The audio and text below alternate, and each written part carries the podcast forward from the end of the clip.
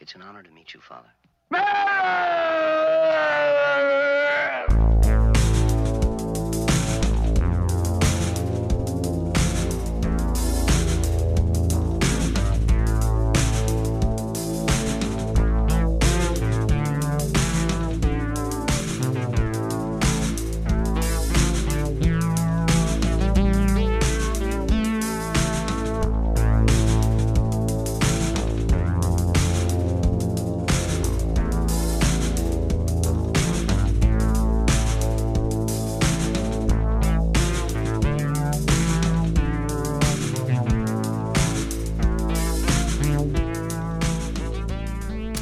Och välkomna till Filmosofi Podcast avsnitt 171 eh, Med mig Robin Möller och med vem då? J-Dog the third Hansen. Alltså Jonas Hansen. Yes. Eh, Från Sverige. jag sitter här, och sitter här och kollar på min eh, kollega i Malta som har ett eget kaffebryggarsätt. Vill du utveckla hur du gör ditt kaffe? Först har jag två vanliga muggar. Vem som helst kan ha det hemma. Melitta-filter. Oh. Oh. Melitta-filter som det så tjusigt heter. Alla kemilärare blir, eh, blir lite våta när man säger det. För att de tänker ah, Melitta-filter. Inte bara för kaffe.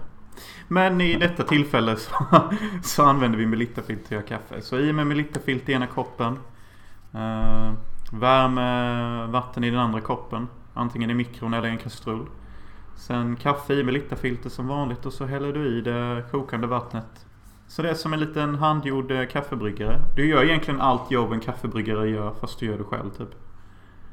Ja, jag fattar.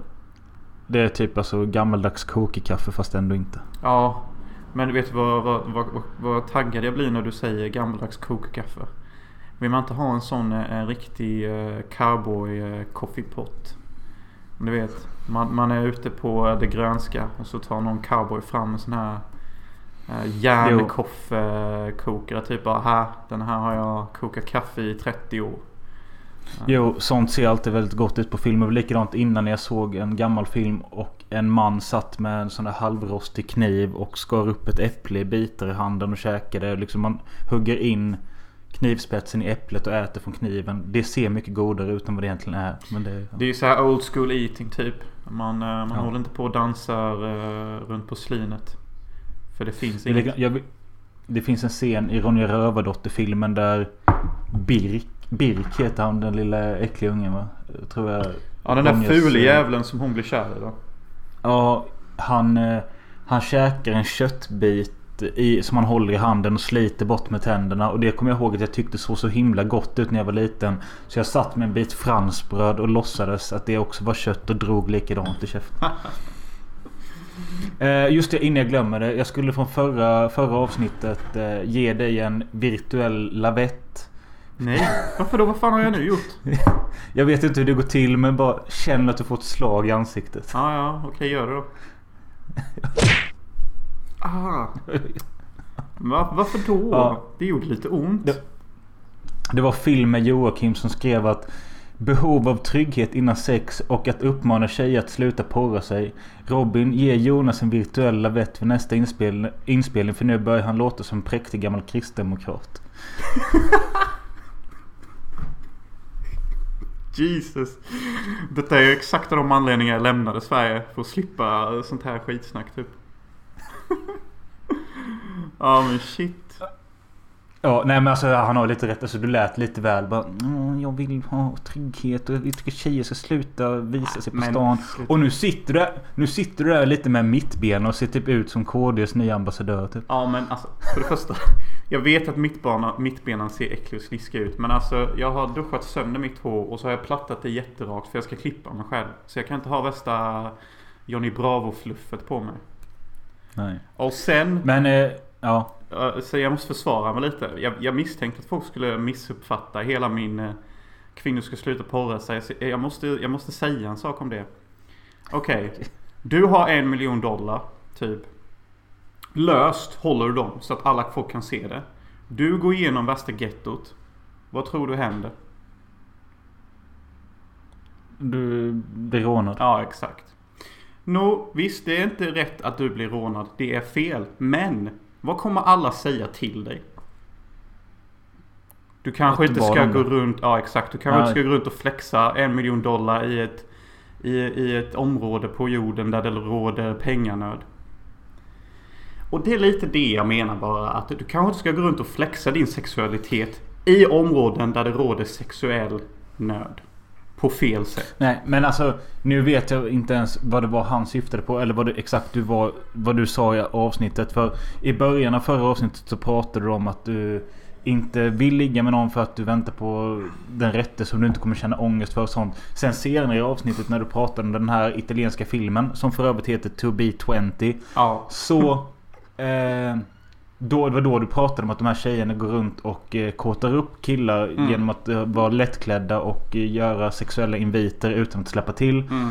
Och... Eh, alltså visst, jag förstår men det är också en sån gammeldags sägning. Typ ja men hon hade kort kjol så vad kan hon förvänta sig när jag våldtog henne? Ja, alltså det, det är verkligen inte det jag menar. Det är fortfarande fel av killarna att göra som de gör. Allt jag försöker säga är att jag önskar det kunde finnas ett visst ansvar för ens egna beteende. Och att egentligen typ allt dumt och dåligt som händer en är oftast ens egna fel. Alltså, Ja. du vet, dra inte din hunds svans om du inte vill bli biten. Det är allt jag säger typ. Nej, jag förstår. Vi kan släppa detta. Jag tror att ingen, ingen eh, tog illa vid sig vad, utav vad du sa. Det var, jag tror Joakims eh, kommentar också var ganska komisk. Eh, jag tror inte att han var jätteseriös. För, ja, som vi vet, han har varit med i podden och han verkar vara en chill kille. Han är en sjukt reko kille typ. Jag tycker han är definitionen av uh, low key reko.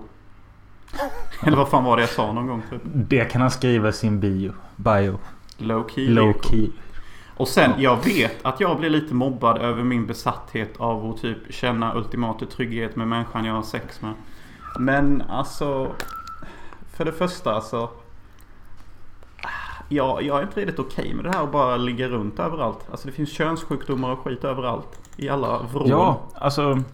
Det, det, det kanske fler borde tänka på nu när Euphoria är hipp, hippt och folk ska knulla med alla. Mm. Men... Eh, eh, man kan ju inte... Man, alltså, du kan ju inte både säga så och sen sitta samtidigt och säga "Åh, jag får inte knulla. Nej exakt. Men det där skiter jag lite i nu typ. Alltså det är ju, det är ju ett Ja. val jag gör här typ. Att eh, det blir ju mindre knull med den attityden. Men det Ja. blir också bättre kvalitet på knullen. Eh, och jag Ja. vet att jag är ovan i mitt tänk så här. För som man så är man ju typ. Alltså jag hade knullat ett rådjur om hon såg snygg ut. Liksom. Eh, och det, det råder väldigt mycket. Den som ligger med flest är den som är mest king typ. Men det är ju en Mm. mentalitet vi har. Och eh, alltså jag tycker inte det är något fel med den mentali- mentaliteten. Det är ju det som gör att vi är fler människor på jorden och faktiskt har blivit en ras eh, utomjordingar kan frukta. Typ. Ja. Eh, nu ska jag testa en grej i podden igen. Förra veckan var det snus. Idag är det en öl som eh, Christian Schill, vår lyssnare och stödjare sedan många år tillbaka har tipsat om.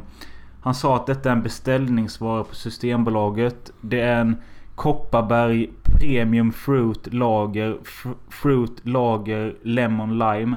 Alltså det är typ en... Det är en öl som kommer smaka lemon och lime, alltså typ cider. Mm. Eh, och den här måste man beställa till systemet. Men eh, när jag gick in på Coop nu så hade de denna i en 3-5. Så detta är en 3-5. Eh, jag tänkte jag ska testa den istället. Alltså öl med fruktsmak. Det känns lite sådär. Det känns ju lite som eh, varför gör du inte bara en cider istället? Lite det hållet. Mm. Juicy. Fy fan vad skumt. På ett gött sätt eller?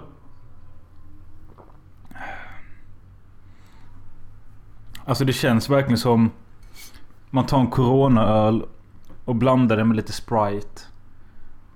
Ja, typ så. Fan vad det lät Eh. som eh, så som eh, typ eh, toalettdoftmedel doftar typ. Att det smakar som det. Ja, jag kan säga att En klunk till.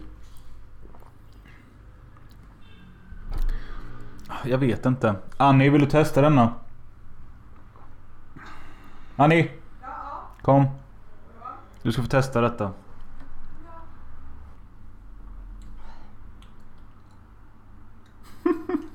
Cider nästan.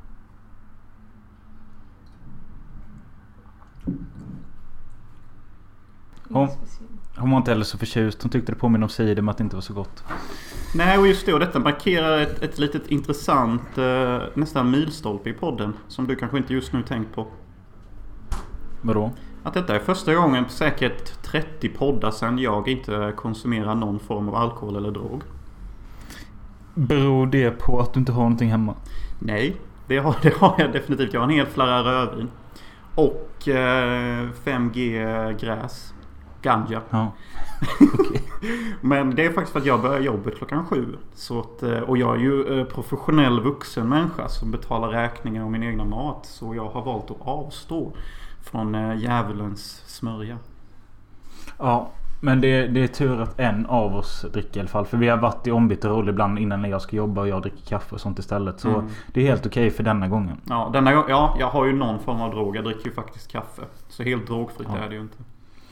Nej. Eh, och du ska jobba klockan sju ikväll. Klockan är tre idag. Mm. Ja, ja. Det är några timmar kvar. Eh, men just det, ja. Christian Schill som jag nämnde. Eh, som tipsade om den här. Jag bad även han göra ett eh, skräckintro till våran podd. Eh, nu i oktober eftersom detta är oktoberpodden och eh, kom, eh, kommer fokusera på skräck. Så bad jag han göra ett nytt intro. Eh, det blev lite... Eh, jag, jag var inte tillräckligt tydlig med vad det var jag ville ha. Så det han gjorde var liksom en stämningsfull minut av... Eh, eh av... Eh, vad fan kunde det vara? Ja men typ... Eh, Eh, Wolf howling och bjällror och alltså det var som ett stämningsfullt eh, skräckljud. Mm. Eh, inte, inte direkt ett intro i sig. Så jag skrev det att vi kan tyvärr inte använda det för det är alldeles för lugnt. Vet, ett intro vill man ändå liksom ha lite tempo och så. Ja, precis.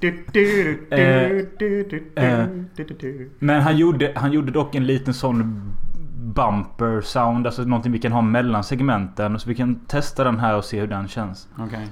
Ja,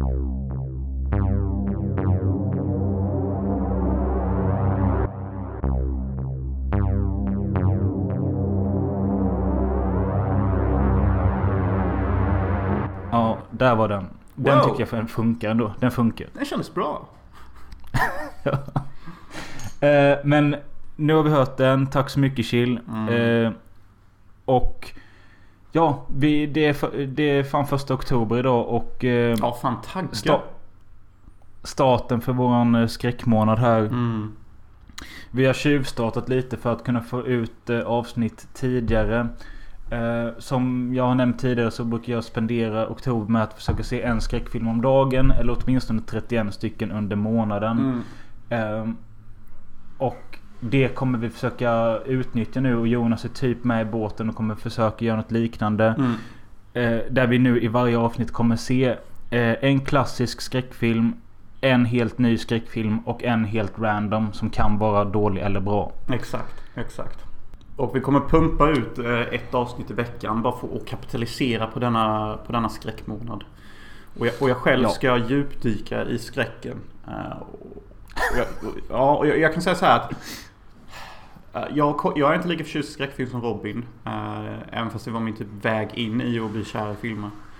Eh, Men jag ska se, definitivt se alla skräckfilmer ja, till podden då. Men sen vad Mm. jag ser ut efter dem kanske blir någon eh, inte fan jag, någon agentrulle bara för att balansera lite. För att jag tycker fan skräckfilm är hårt alltså.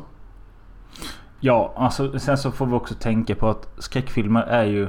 Det är så, visst, det är nischat men det är också väldigt brett. Alltså det är en jävla stor skillnad att kolla på Shaun of the Dead eller The Ring eller Hajen eller Scary Movie. Även fast alla typ skulle kunna räknas. Ja, eller typ Hajen och American Psycho. Alltså båda två är ju skräckfilmer. Men de är ju sjukt Ja. olika typ.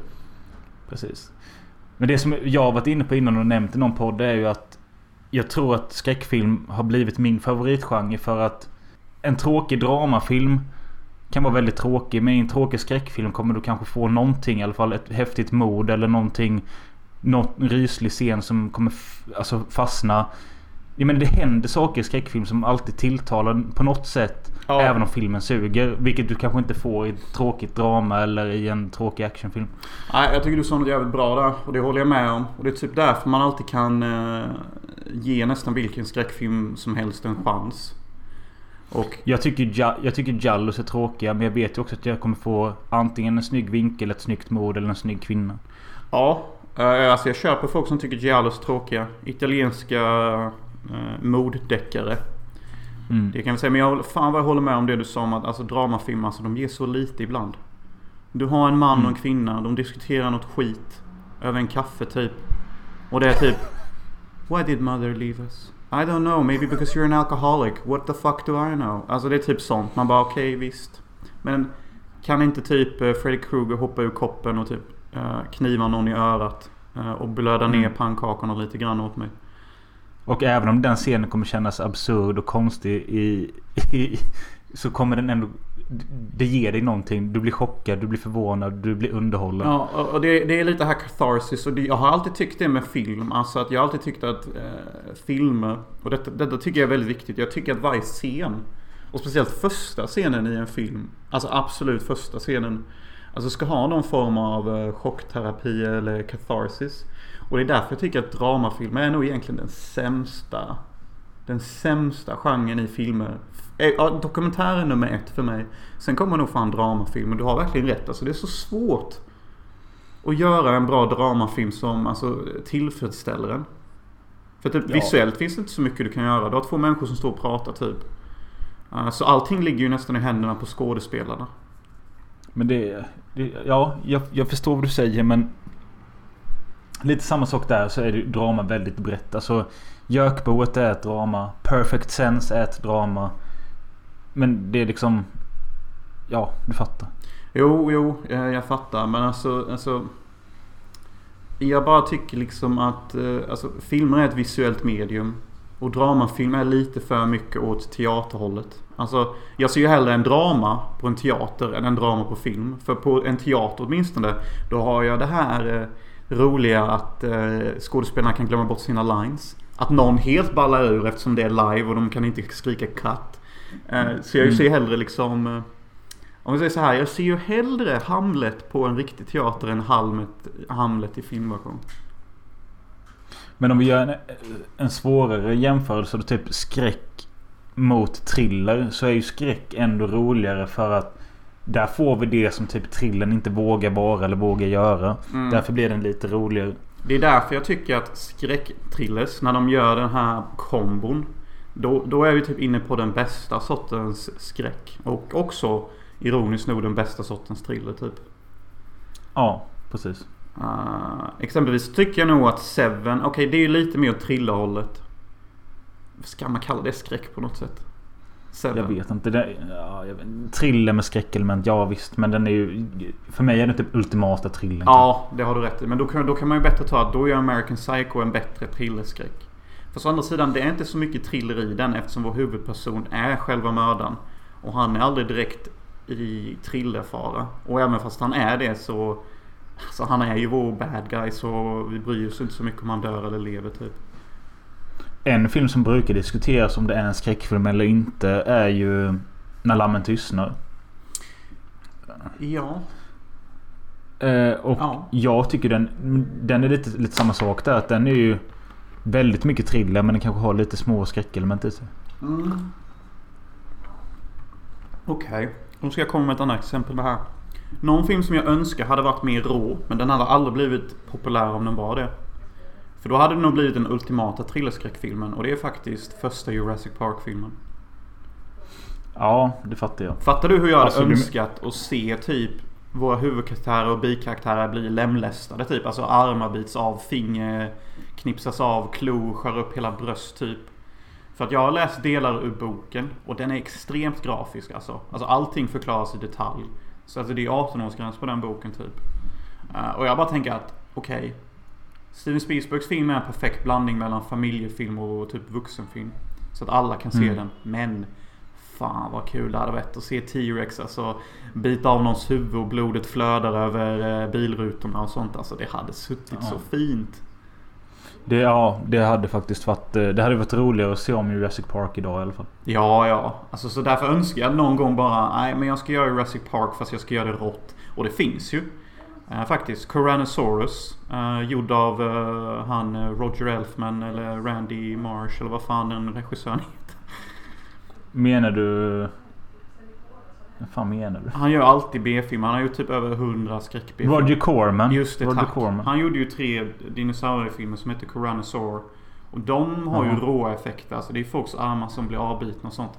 Men det är ju gjort på ett sånt B-sätt. Alltså man hade ju velat se det i all its perfect Jurassic Park Big Budget Glory.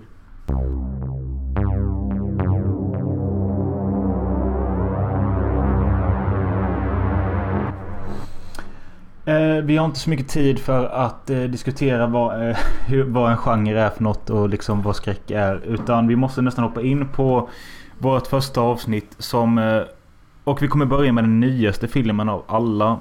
Och det är Bodies, Bodies, Bodies från 2022.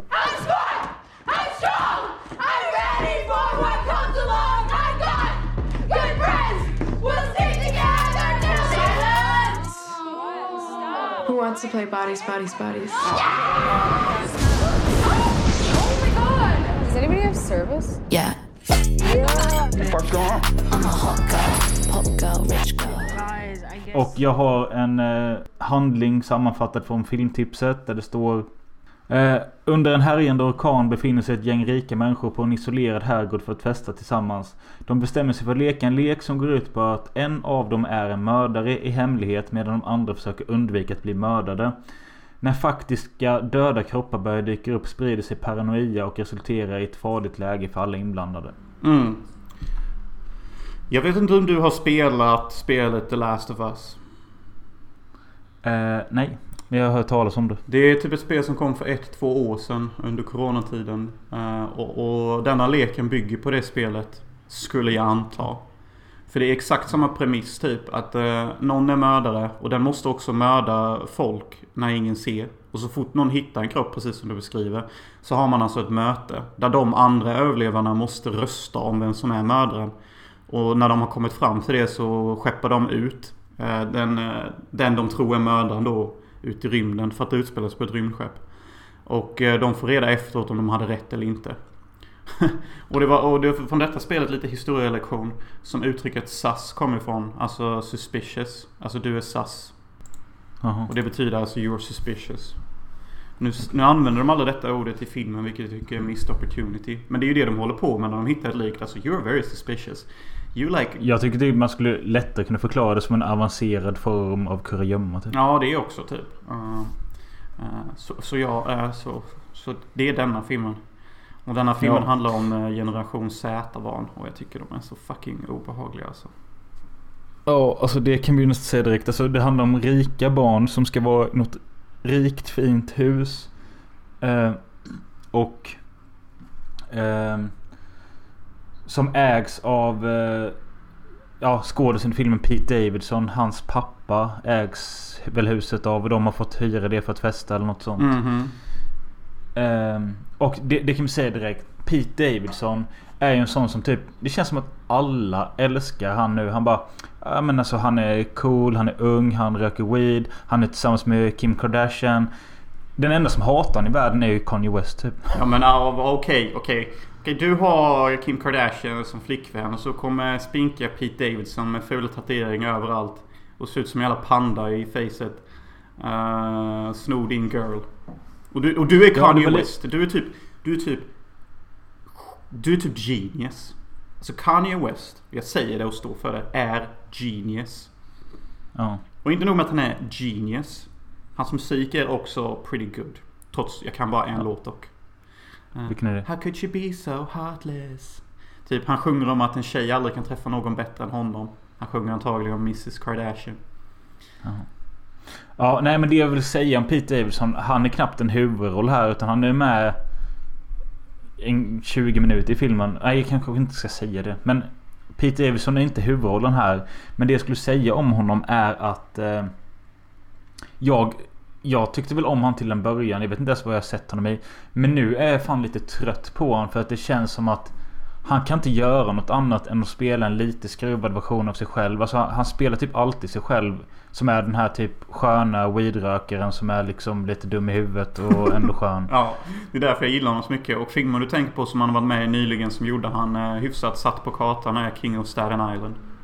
Den har inte jag sett. Men jag har sett Big Time Adolescence han spelar samma roll. Och jag har sett eh, någonting annat. Ja, eh, så, ja, så han är med den och, och jag tycker det är skitskönt. För att jag tillhör den skaran som faktiskt typ gillar honom rätt mycket. Eh, Ja. Och jag, jag tycker han är det bästa med filmen. Helt klart.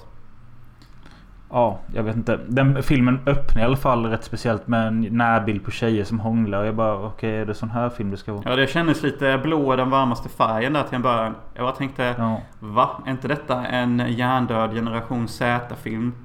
Och här får vi lite eh, poetisk eh, tjejhånglande. Jag är nästan på att bli lite nervös med tanke på att jag håller på att göra en egen lesbisk film. Jag vill ju inte att någon ska sno min thunder. Nej, men eh, det där det blir liksom ingen sån... Eh, det blir ingen hångelfilm om man säger så. Utan det är liksom mest den här första scenen. Och eh, det är ju ett par då som ska på den här festen. Och eh, ja. Det, alltså, det är fyllt av karaktärer som jag egentligen inte kan sätta fingret på någon. Bara det att alla typ tillsammans bildar det man tycker är den här nya unga generationen. Ja, och till er som inte vet vad generationer är. Ni som är mellan eh, 25 och eh, 38. Ni är millennials, okej? Ni föddes upp i internettidens uppväxt. Ni var glada och hade optimism för framtiden och ni fick se all ny teknologi tryckt i ansiktet på er som levlade upp mänskligheten för alla. Sen mötte ni vuxenåren då efter 9-11 och allt bara blev skit och, och, och filmer blev kassa. Och ni blev bittra vuxna människor som har problem att betala er hyra och ni dricker kaffe och super varje helg och är jätte utmattade. Det är vi. Det är millennials i ett nötskal. Och generation Z är typ Alltså jag dricker Kool-Aid med eh, lila jävla fruktjuice. Jag är så cool och sexig. Jag skiter i allt för jag vet vad TikTok är och min ass är stor och bla bla bla bla bla. Ja, och det tycker jag... Alltså den här filmen är ganska tydlig med att visa att... Eller förutom då att de flesta skådespelare ser ut att vara i rätt ålder så... De snackar om i någon scen att de ska göra en TikTok. De ska göra en dans framför någon skärm och... Eh, eh, det är någon som har en podd som handlar om någonting jag inte kommer ihåg vad de sa. Nej, det är Och jag kände bara... Vi har också en Då podd. kände jag bara att jag, jag vill spy för att jag själv har en podd typ. I run a podcast, you know. It takes a lot of work. You have to think of the guest, think of the talk subjects, and you, and you have to talk a lot. Sen blir det en hel del snack om psykisk ohälsa vilket också känns så jävla typiskt. Alltså generation Z är fan besatt av det. Alltså kan de Ja. gå en minut utan att nämna att någonting är en jävla psykologisk störning eh, eh, eller något sånt. Alltså det är ju till och med så att generation Z blir irriterad på andra generation Z-barn för att någon måste alltid namedroppa en psykologisk term om någonting. Ja, och det är fucking störande. Och jag tyckte det var eh, rätt spot on som eh, våran eh, lyssnare filmfostran Teresa. Hon skrev i sin recension av filmen på sin Instagram att eh, det är en Euphoria-esk cast. Och det är det verkligen. Ja, alltså det, det Alltså- känns ju som en Euphoria spin-off lite grann typ. Ja. Ja, verkligen. Eh, men ja, ni fattar vad det är för typ av ungdomar. Och de är i det här huset och eh, folk börjar dö under den här leken. Eh, och så ska vi då som tittare försöka fundera lite på, alltså det är lite en whodunit. Alltså vem är det som mördar folk där på riktigt Mm. och sånt. Och det, det är filmen. Eh, vad har jag att säga om den? Alltså det är en skön underhållande film. Eh, alltså den är rätt skön och lättittad. Det får man ge den. Och, och det, Ganska kul men jag tyckte typ mittenpartiet var rätt slött när det liksom. Mest ältas och skriks Ja, och... det känner jag med. Men alltså detta är ju också typiskt generation Z. Att jag, jag tror detta kommer den bli mest den mest pratsamma generationen vi haft på hundra år. Alltså det, det bara känns som att de här jävla liv... Menar du att de är, de är alla är så besatta av att få sig själv hörda? Ja, mer än någon annan generation. Alltså för du vet, när jag har sett 90-talsfilmer och 80-talsfilmer och sånt.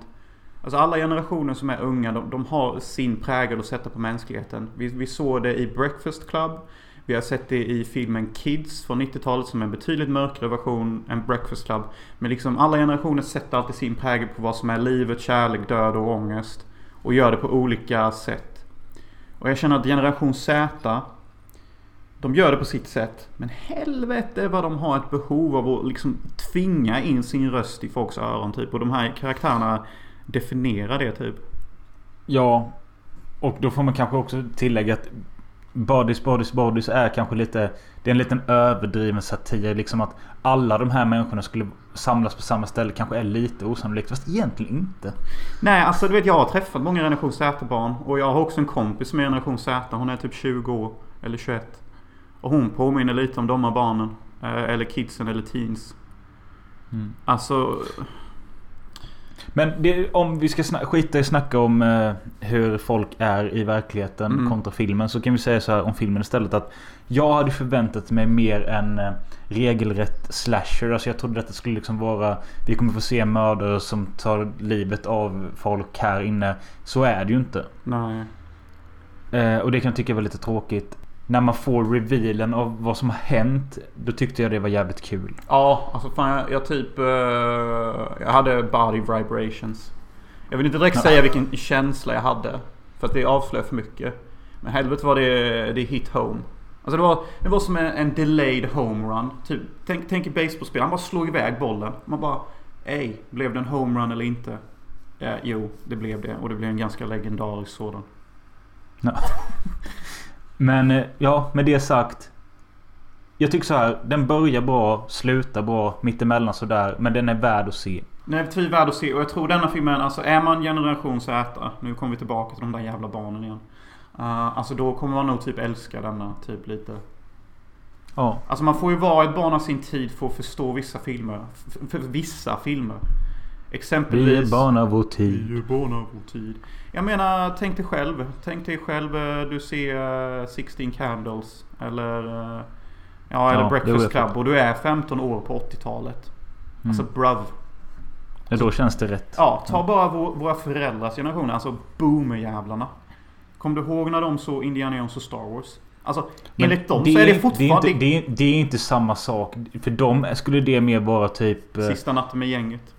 Ja, jag tänkte typ Sista natten med gänget och Grease och sånt. Och, nej, Grease i och för sig och Sista natten med gänget. De utspelar sig när våra föräldrar typ föddes. Så de kanske... För, Oh, vad fan ska man ta för något? Nej men alltså för boomers, då, då, det, det fanns inte riktigt... Alltså ungdomsfilmer var inte direkt skapta än. Så för dem är det ju typ... Då är det ju typ Indiana Jones och Star Wars. Alltså filmer som uh, definierade vad spektakelfilm skulle vara. För alltså när jag pratar med mina boomerföräldrar, de kan fan inte hålla käft om sådana filmer. Ja, spektakelfilm. Ja, men jag menar att eh, vilka filmer som visade hur ungdomar funkar. Alltså på typ... Nej, det fanns ju typ inte. Eh, Jag tänkte på det. Nej, skitsamma. Vi måste gå vidare. Ja. Gården är stängd för länge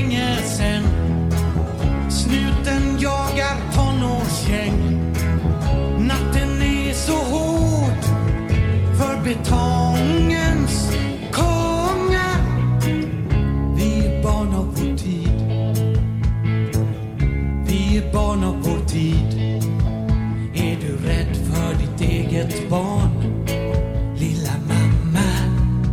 Vi ska gå vidare till eh, det vi... Alltså egentligen jag skulle vilja att vi skulle namnge de här tre kategorierna vi kom- kommer ha i avsnittet. Alltså klassikern är ju givet vad det är. Mm. Och vad ska, vad ska vi kalla den nya filmen för varje avsnitt? Ja, den Kom nya filmen. Okej, vad ska vi kalla den här... The Hidden Gem liksom? Eh, The Hidden Gem. Okej, jag vill ha, kanske ha något mer catchy. Men okej, vi kör på det då. Så detta avsnittets Hidden Gem. Alltså en random film från eh, något jävla år någon gång som typ inte så många snackar om. Det är en film jag hittade eh, som heter The Thaw. Ja. Eh, även känd som Arctic Outbreak. Ja. Fast på versionen jag kollade på så hette den Frozen. Men shit, det tror jag den gjorde för mig med. Har, denna filmen har alla namn. Eh, och det, den skryter med att Val Kilmer är med i den. Eh, men hur mycket är han verkligen med i den? Sen också, jag vill inte dissa Mr Kilmer. Jag har varit Batman i en film. Eh, men eh, det är inget att skryta om typ. alltså Val Nej. Kilmer är ju mycket större än du och jag tillsammans. Och han har gjort en del legendariska filmer som Batman Forever och Heat. Men Och han var jävligt bra när han spelade Jim Morrison i The Doors-filmen. Ja, just det. Och han var rätt grym som Ice. Från Top Gun 1 och 2. Ja, just det. Jajamän. Men å andra Är han sidan... med i- är han med i tvåan? Ja, för fan bro. Han har ju haft halscancer och har inte kunnat prata. Man kanske får tillbaka rösten nu då. Eh, alltså, han är med och säger en del lines i filmen och jag vet inte om det är liksom eh, byggt i en maskin för att få hans röst. Eh, Nej, men han har nog fått tillbaka den kanske. ja, eh, så... Nej, det känns fel att dissa någon som är typ hästlängder bättre än en själv. Alltså rent successmässigt. Men jag tycker bara han ser ut som jävla avdankad eh, lumberjack typ. Nu för tiden. Ja, lite så. Och nu för tiden, då menar Jonas 2009 när filmen kom. Ja, och framåt då. Eh, men The Thaw är i alla fall en... Eh, ja, vad fan... Vad, hur, ska man kunna beskri- hur ska man beskriva det? Det handlar om typ ett Arctic outbreak. Eh, de är... Vad fan är de någonstans? I, Nej, men de är ju i Antarktis. Eller, men är de verkligen det? eller, eller, eller så är de i eh, Alaska typ. Alltså jag Ja. vet inte. De tar ju en helikopter från typ Los Angeles till någonstans. Uh, Okej, så de, de måste ju typ vara i Alaska då närmast. Men du kan inte bara ta en helikopter från LA till Alaska så enkelt. Men alltså som vanligt så tror jag att de här amerikanerna inte har koll på geografi. Och de, och de bara Arctic, ja men det är ju typ is och snö då. Eh, och så har de ingen koll på var skit ligger typ. Nej, och eh, det, det som det handlar om är ett gäng typ forskare eller om de är arkeologer eller vad det är. Men de är nog forskare när det, handlar om, när det handlar om global uppvärmning tror jag. Eh, och befinner sig då på något jävla ställe där det är is och kallt. Och där har någonting kommit ur eh, isen. Vilket är typ en mammut eller något. Som har spridit parasiter. Mm. Eh, som sprider sig. Eller i, början av filmen så blir de typ attackerade eller något av en isbjörn. Eller de skjuter en isbjörn. Mm. Men, eller får man se mammuten? Fan nu blir jag helt... Eh, Du bara säger mammut och isbjörn hela tiden. ja, Mölski. Alltså det är en mammut och isbjörn med. Men alltså du komplicerar det lite. Så väl killen Okej. är ute med något jävla expeditionsgäng. Uh, de söver en björn, en isbjörn då med någon jävla dartpil. Uh, sen, så, sen så dör björnen. eh, trots att de bara sköter med en dartpil. Och de hittar att ah, okej shit det är någon slags parasit den här isbjörnen. Sen så när de går närmare och tittar på mammuten. Alltså som då är nedfrusen som isbjörnen åt på. Ja, då ser de att den är solitt frusen till is och den har något jävla ägg i sig. Och det är det här ägget som sprider parasiter och typ eh, äter upp folk från insidan ut. Ja. Och, och, och då när de här kidsen, våra ungdomar då, ska besöka Val Kilmer och hans gäng i någon nearby station. Alltså någon station Ja, som är nära. Kidsen är väl också... Den ena är väl typ väl Kilmers dotter. Ja, eh, då börjar ju de här små krypen sprida sig där med. Eh, och en efter en blir typ infesterade eh, av den här parasiten. Och, Och jag tror... det, räcker nog att säga så. Men det som filmen vinner på tycker jag är att det är ganska äckligt när de här små parasiterna, även om de är typ oftast CGI-ade, så ser det ganska äckligt ut när de kryper in i sår, i ögon, i magar och det är äckligt. mm, jag tycker filmen är riktigt äcklig och obehaglig. Den har någon slags dassig känsla över sig. Ja, det känns ju som en B-film från 2009 helt enkelt. Och det är typ vad det är. Att den hade lite väl låg budget. De satte typ... äh, Jag vet, och skådisen är liksom så här typ... No names som man inte bryr sig om och... eh, Det är en del de lagt- konstiga lines i filmen också. Alltså när dottern tror att hennes pappa är död. Då säger hon och skriker. Uh, He is gone but I still hate him. Och jag bara, va? Är det verkligen det vi vill vår huvudperson ska säga för att vi ska sympatisera med henne? Nej, det, jag, jag missade faktiskt det men... Det är också kul som du sa med Val Kilmer. Att han lär ju ha gjort kanske max två dagar på den här filmen. För han har gjort några sådana journalfilmer där han sitter och pratar in i en kamera. Mm. Och de återkommer man till några gånger. Sen så dyker han upp i typ fem minuter i slut. Ja, och hans roll är väl typ det mest obehagligaste. För att han säger sådana sjuka grejer på ett sånt enkelt sätt. Typ bara You can't let her in. She's infected. If she gets in, she will doom all of us. No, we must drop him. He has been infested by parasites. She must be quarantined. Och han säger det på ett sånt obehagligt sätt typ. Eh, Medan de andra skådisarna överskådespelar allt. Men lite också, om jag får knyta tillbaka till, eh, till min örfils uh, dom Ja. innan. Här har vi ju en film som typ exemplifierar typ min rädsla för att vara nära kvinnor. Och det är ju typ när en av personerna typ har sex med en annan kvinna. Och, Och han ser ett kryp. Ja, och han ser ett kryp. Och sen så går han och känner på sin dick. Och då är den typ blodig. Och då har typ ett kryp bitit på hans dick.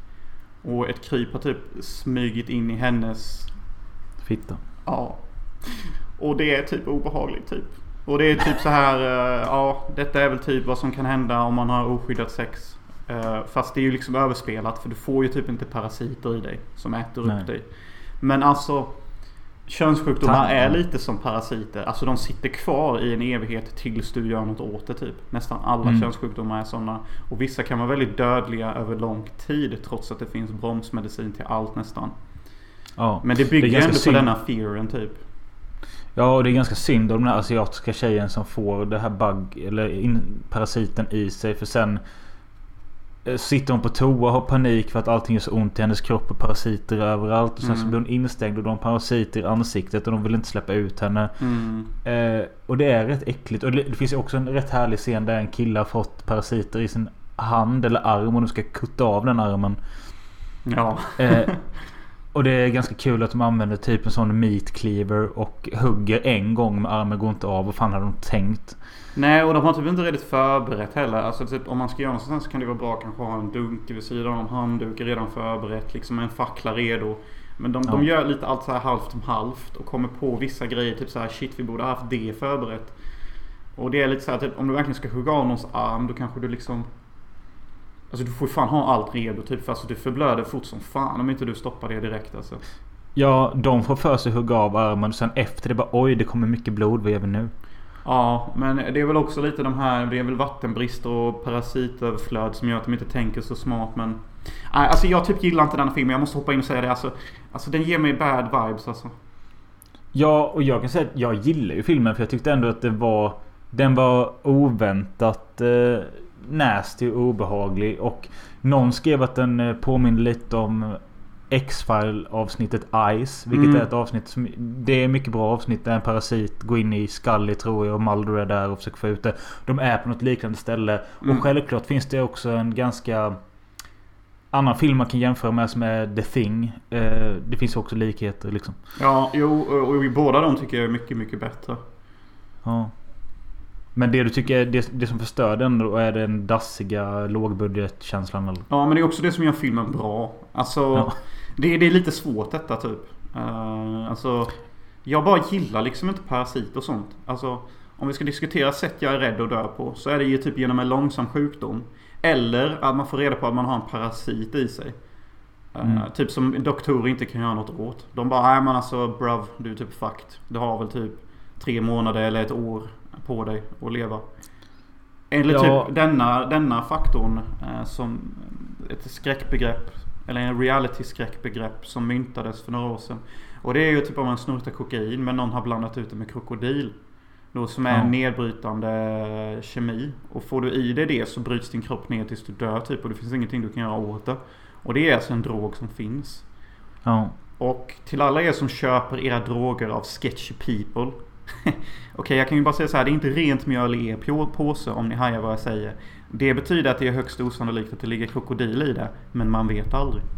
Men den här krokodildrogen, det är inte den som gör att man börjar äta av sig själv? Eller det är badsalt eller? Ja, jo det är det också. Alltså för det första så äter ju parasiterna på dig. Alltså din kropp bryts ju ner för att du äter dig själv på ett skumt sätt.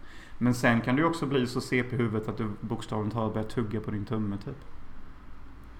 Ja, nu kommer vi precis in på the real horror of life. Exakt, och, och det är väl lite därför. Jag har, jag har svårt för filmer som blir för verkliga typ. Och Ja. jag tycker att Thar är lite åt det hållet. Och Ja, alltså det är ju verkligen sån här... Vad ska man säga? Den kommer under skinnet på en för att det är liksom... Bugs body horror. Kan man ju säga det. Men alltså det är också såna här saker som eventuellt kanske skulle kunna hända och då blir det lite äckligare. ja, ja e- exakt. Och... eh, Nej men jag är typ skiträdd för att få någon slags parasit uh, i mig. Eller typ att någonting flyger in i mitt öra, öra och sätter bo där typ. Det var ju det som hände när eh, jag var ute och gick med den uh, omtalade grannen i våran uppväxtby Kinnered för 12-13 år sedan och vi skulle gå till en annan kompis på kvällen. Och grannen började rycka med huvudet. Han bara äh, vad fan är det som händer? Och jag bara Nej inte fan vet jag eller vadå. Jag fick någonting i örat. Så bara jaha. Sen blev Sen blev han lugn och sen gick det en halvtimme och då sa han bara nej fan det krafsar fortfarande i örat. Det krafsar i örat. Då fick han gå hem, väcka sin pappa. Pappan fick köra in honom till akuten och eh, grannen hade panik för att det krafsade hela tiden i örat på honom. Och läkaren fick ta något jävla instrument för att dra ut vad som visade sig vara en typ eh, 3-5 cm lång mal som satt inne i hans öra. Eh, han fick ut den men paniken han hade när han skrek och sa att det krafsade i örat på honom. Jag trodde ju knappt på honom först men sen tänker jag stackars jävel som verkligen hade detta i sig. Mm. Men hade han varit som jag, dig eller mig som är lite mer eh, nojigt lagt, lagd. Då hade ju jag hela tiden trott att ja, men den där jävla malen han lägga några ägg in i min hjärna typ. Jag hade ju börjat kasta in typ eh, Absolut vodka i örat. Ja. Eller typ doppat en öronsvabb i vodka och typ smörjt omkring. Eller typ absint eller något. Ja. Eller typ bett läkaren efter. Kan du inte spruta in typ 100% alkohol eller något sånt i huvudet på mig? Alltså så vi bara försäkrar oss typ. Ja. Nej usch. Ja men det, det är sånt här jag menar. Alltså typ Alltså när filmer blir lite förverkligade då, då, då, då gillar jag typ inte riktigt filmer. För att jag, jag, jag har alltid tyckt att filmer ska vara fantasi. Och, och larger än life. Och typ att och filmer ska vara en escapism. För mig har alltid filmer varit escapism. Och jag föredrar genren escapism mest. Uh, Och jag är ju lite så, alltså jag tycker inte The Thaw är något mästerverk eller så men nej det är det inte. jag, jag är ju mer draget åt verkligheten och jag gillar ju, alltså jag är lite svag för body horror för att det är någonting jag nästan alltid blir äcklad och rädd av. Jo, jo, men man kan ju göra body horror på ett sätt som han uh, Cronenberg. Cronenberg gör. Där det är typ det är body horror med escapism. Alltså som Ja. The Fly. Alltså jag tror ju aldrig någonsin eh, så länge mänskligheten kommer leva. Att en snubbe kommer förvandlas till en stor levande fluga. Nej. No matter what the fuck we do to him. Så det blir liksom så mycket att det blir escapism. Men det Jag här förstår. typ där en kropp bryts ner långsamt. Eller att någon blir lite konstig av en parasit för att den äter på hjärnan av en. Okej, det kan faktiskt hända. Ja. Men jag, jag måste knyta tillbaka till en annan sak som är lite skräck. Typ det här. Jag, jag glömde ju nämna det om varför generation Z-barn är så läskiga. Ja. Och det är ju för att visst, de, är, vet, de, de säger hela tiden att någon, någon är savage och någon är cool. Och de verkar gå runt med en känsla av att de skiter i vilken utveckling jorden tar. Så länge alla får vara sina LBQ-versioner, bög, homo, mix. Alltså det är typ vad de bryr sig om. Skitsaker helt enkelt. Uh, men de är ju också så jävla degenerates. Ja. Alltså, alltså de, har ingen känsla för att de ska leva länge typ. Och då ska jag berätta, det var en, en snubbe på mitt jobb häromdagen. Han är typ eh, 50 år och han har en dotter. Och han berättade att hans dotter hade varit i en bilkrasch med sin pojkvän. Och det var hennes pojkvän som körde bilen. Och han var hög på kokain när det här hände. Mm. Och han är 17-18 år precis som de här generation Z-barnen. Och gissa vad han mer hade gjort? Tack vare hans Nej. vårdslösa körande hade han dödat personen som satt i baksätet, en tredje person. Alltså. I en bilkrasch. Uh, lyckligtvis överlevde ju min kollegas dotter. Och han som körde. Men det kommer ju typ bli fängelse för livstid för han som körde för att han var influerad av kokain när detta hände. Mm.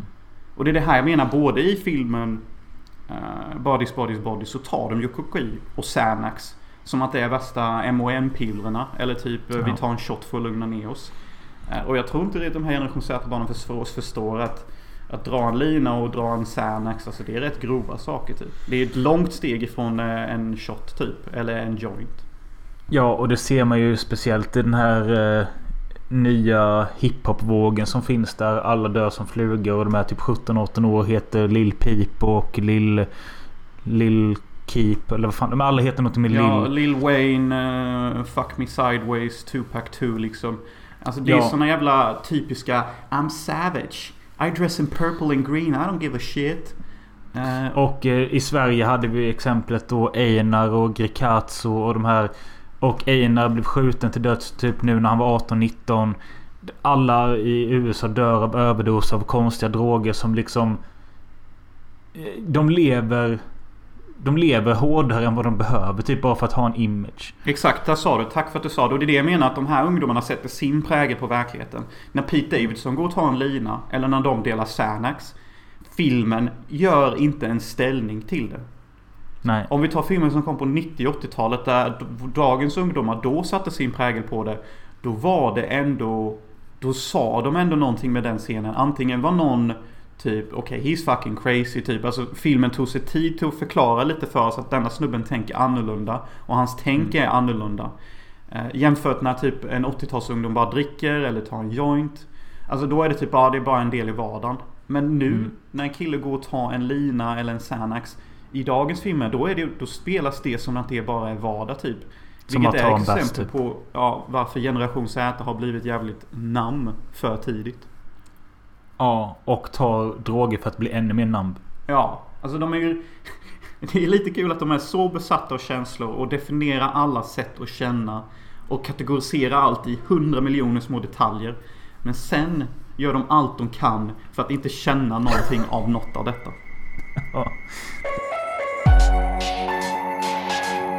Men vi måste ta oss ur det här träsket och eh, ge oss in på eh, avsnittets grand finale där Xanax och kokain var inte lika en stor del av eh, ungdomarnas vardag. Kanske av de äldre men eh, inte barnen i alla fall. Eh, och det är ju då The Exorcist från 1973. Ja, ja.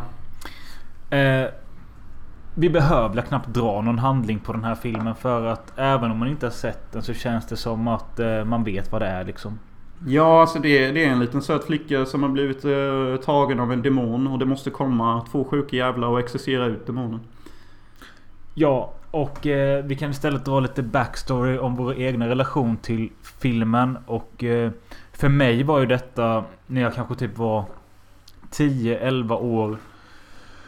Eh, då fick jag höra av min, min mamma som sa att eh, de, de hade Exorcisten inspelad på VHS hemma och den stod högst upp i hyllan. Jag fick inte vara vid den hyllan för där var lite barnförbjudna titlar. Eh, då hade jag väl sett någon skräckfilm så men inte av den här kalibern. För enligt min mamma så var Exorcisten det bästa man kunde se och när hon såg den på bio när hon var typ ja, 13, 14, 15 år. Då blev hon så pass skärrad att hon fick sova emellan sina föräldrar det kommande året. För att hon klarade inte av att vara själv och hon trodde att eh, flickan Reagan besatt var typ i hennes egna säng. Eh, och hon blev rätt skärrad av det många år efter. För även när hon berättade detta för mig när jag var 10-12 år så sa hon att hon ser helst inte om den.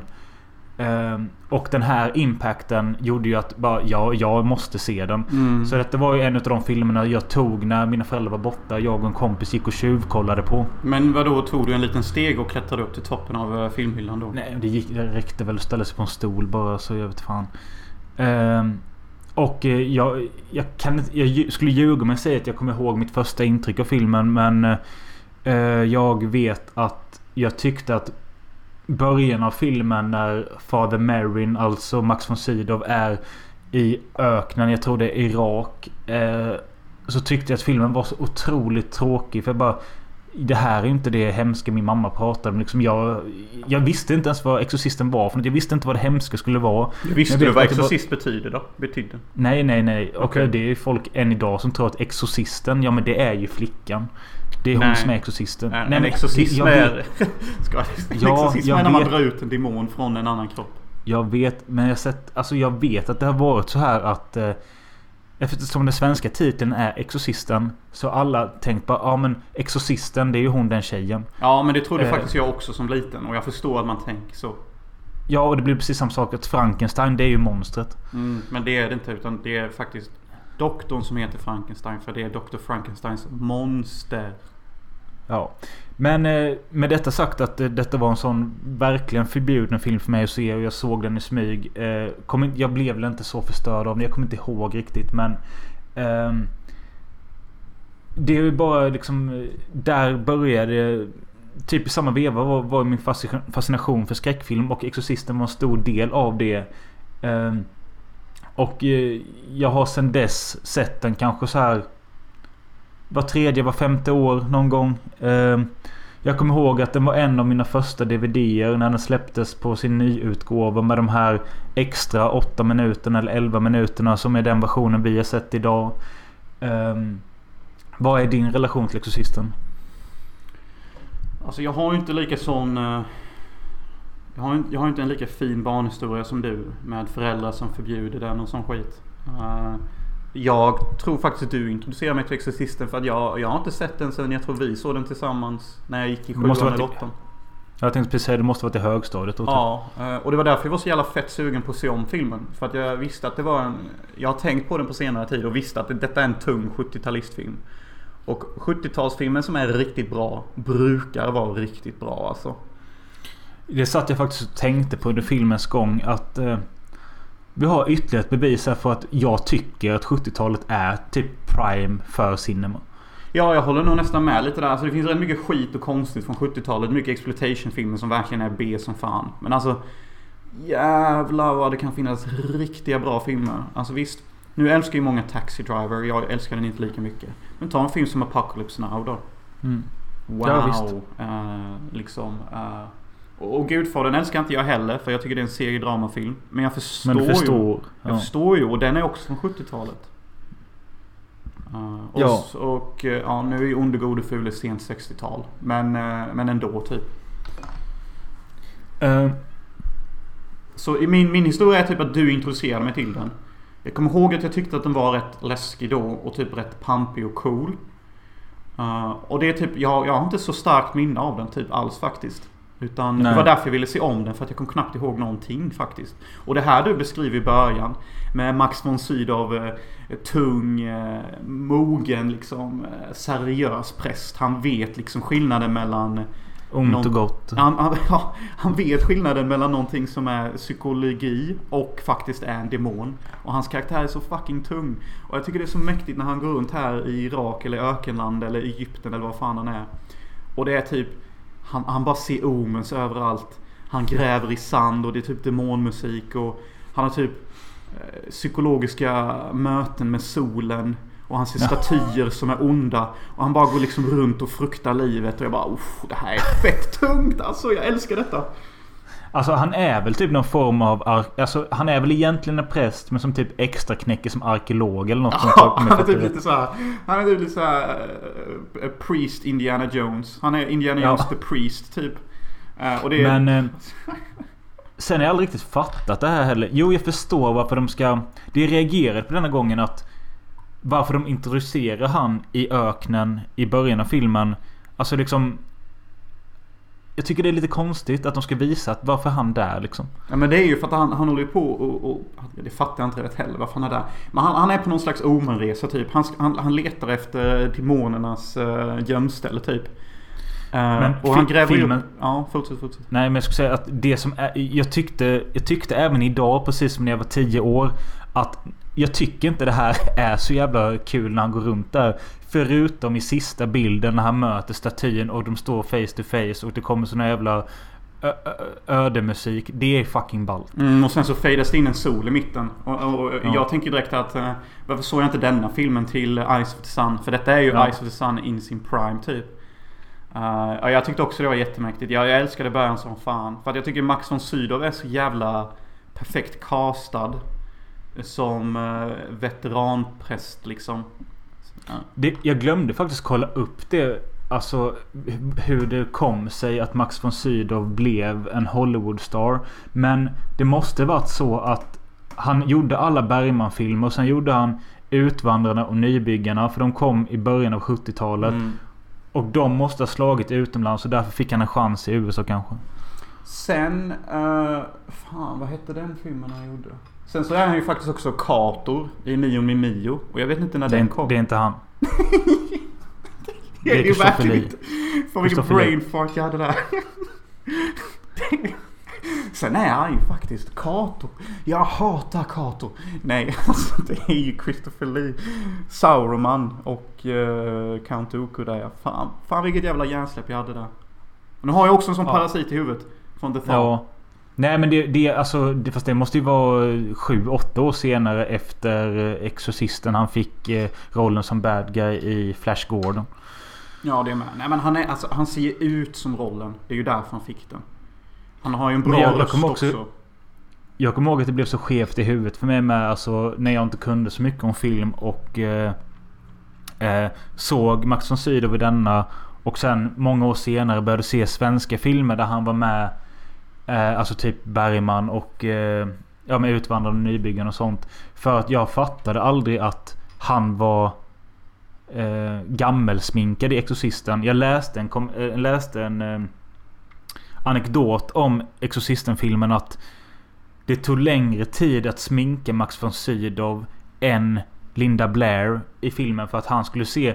Han var 44 men skulle spela 80 typ. Mm. Eh, och att få hans gammel-makeup se mer trovärdig ut än Linda Blairs demon-makeup. Det tog längre tid.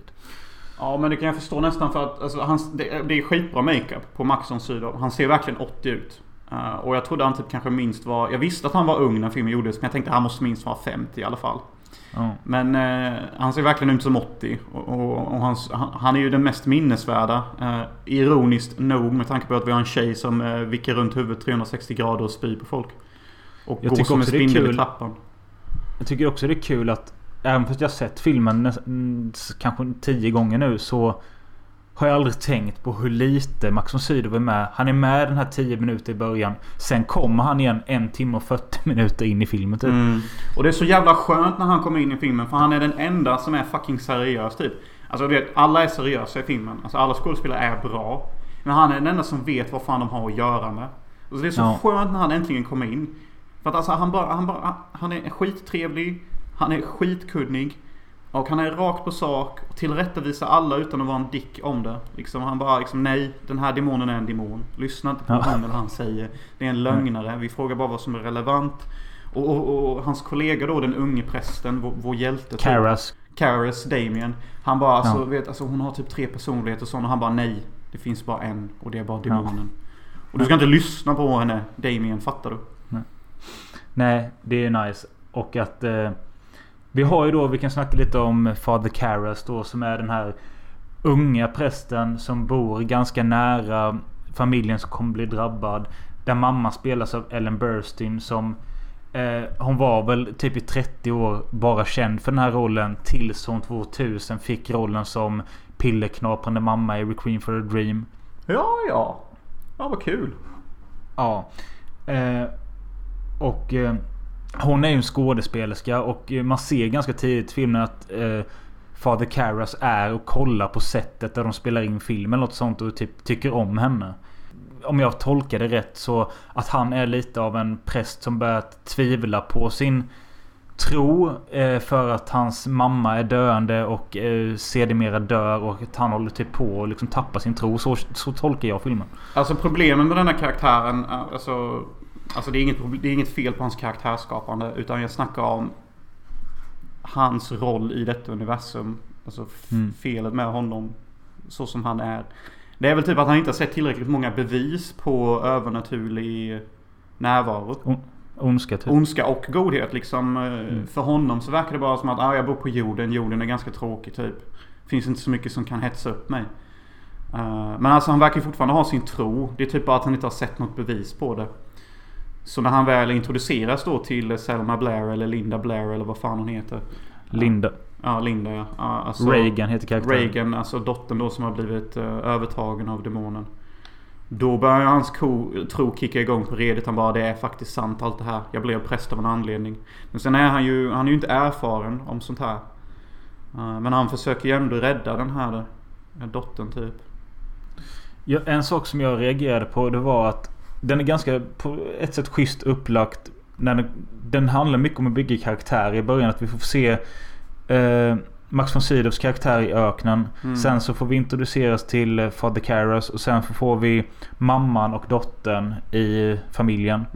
Eh, och alla de får typ liksom 10 minuter var att presenteras. Mm. Men en sak som jag tycker är konstig det är liksom Att jag aldrig riktigt begriper tidsförloppet i filmen. För att det går ganska snabbt från att Reagan är helt vanlig flicka Mm. till att nästa scen så är han på sån röntgen för att hon börjar bete sig konstigt. Och det går så jävla snabbt.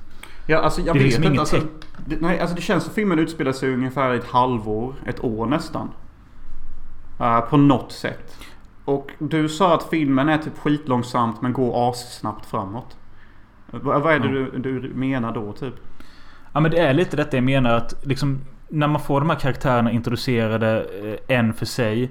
Så är det liksom ganska lätt att följa med i det och bara ja, men hänga med. Alltså, det, det händer direkt ingenting utan du får en karaktärsbeskrivning och det går ganska snabbt framåt. Utan att det egentligen händer någonting. Det första skrämmande som händer i filmen egentligen. Det är att det hörs konstiga knackningar på vinden. Mamman går upp och eh, det kommer en flamma på hennes ljusstake. Och det är någonting jag alltid reagerat på. Varför inte hon reagerar hårdare på det? Nej, alltså det är väl för att... Okej, ja, fan vad bra du sa det. Eh, för det första, jag tror att hastigheten varför filmen känns snabb är för att det är relativt långsamma scener. Men det är mycket hastighet i scenerna. Det är alltid något högt flygplan i bakgrunden. Folk som tjafsar i bakgrunden. Något, något musikstycke som är intensivt. Så, så, och sen så tror jag faktiskt... Jag tror att regissören speedade upp allt foto med typ 2 eller 3 procent. För att allting detta känns lite för snabbt i hur karaktärer rör sig. Okej. Ja, Ja, det är bara en skev redigeringstanke jag har. Men det har gjorts förr i film och sånt här. Uh, och det kan addera till typ subtila känslor typ. Ja. Men vad, vad, känner du inför det här? Den första skräckgrejen då när hon går upp på vinden och eh, det här, hennes ljus. Det blir en stor flamma och det blir ingen reaktion på det. Ja, men alltså hon Jo. sticker ju till lite men sen så kommer ju en annan kille samtidigt. Så hon tror ju bara det är för att han öppnar luckan som vinden blåser så. Men det är ju ganska stort ljus. Men det jag ska säga om detta är att Filmen tar sin tid till att, gå igenom listan av olika sorters doktorer den här flickan behöver. Så hon gör ju det mest logiska då. Och gå till läkare. Och det tar ju typ en halvtimme efter tester, sjuka tester.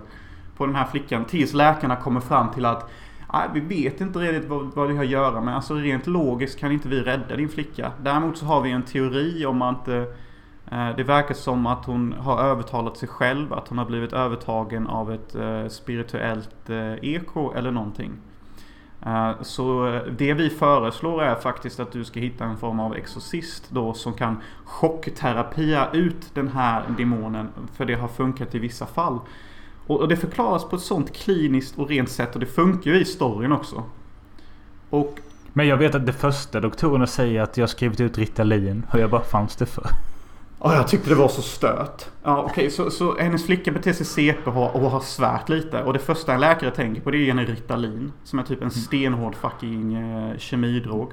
Det är ADHD-medicin. Ja, och det används också i, i, i, lättja till njutning. Alltså generation Z-barnen hade ju kastat sig över det. Typ bara, Ja. I'm gonna do Ritalin and fail on my test. Guy have golden teeth. Ja. Eh, Men, Men alltså, ja, det, det jag eh, menar är att alltså, de är så besatta. Alltså, jag kan tänka mig om detta hade hänt min dotter. Inte fan hade jag tagit henne till en jävla massa läkare. Jag hade ju nästan direkt antagit, okej, det är en spirituell demon som tagit över henne. Alltså det är för många tecken som visar att det är sant. Alltså jag hade inte behövt Mm. ta henne till hundra läkare som hon gör. Men anledningen till att jag tror att detta är så här för att Okej, detta var när våra föräldrar var unga, våra boomerföräldrar. De var typ 15, kanske 20. Så de såg ju denna filmen i sin ungdom. Och jag tror att detta är anledningen till varför våra boomerföräldrar är så jävla instängda. Du vet, alltså nämner man spöken, utomjordingar eller övernaturlighet till våra föräldrar. Det första de kommer börja säga är att de kommer dra logiska slutsatser. De kommer börja tänka, ja men har du sovit ordentligt? Du kanske inte har ätit tillräckligt? Har du tänkt på att det kanske var vinden i taket? Eller att du kanske är typ, har någon liten cysta i huvudet? Alltså precis som de här läkarna snackar.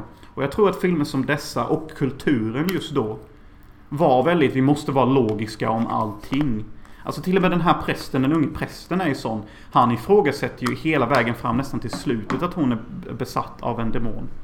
mm. Eh, typ. Och han snackar om att till och med prästerna, överprästerna snackar om att vi kanske ska ha med oss en psykolog också när vi gör exorcismen. Typ alltså, det, alltså runt denna tiden rådde det så mycket förakthet för övernaturlighet och Gud. Och religionen började starkt stiga ur Sverige och många andra länder. Och vi ersatte Eh, Gud med eh, kommunism, alltså consumershipism. Vilket också Dawn of the Dead handlar om.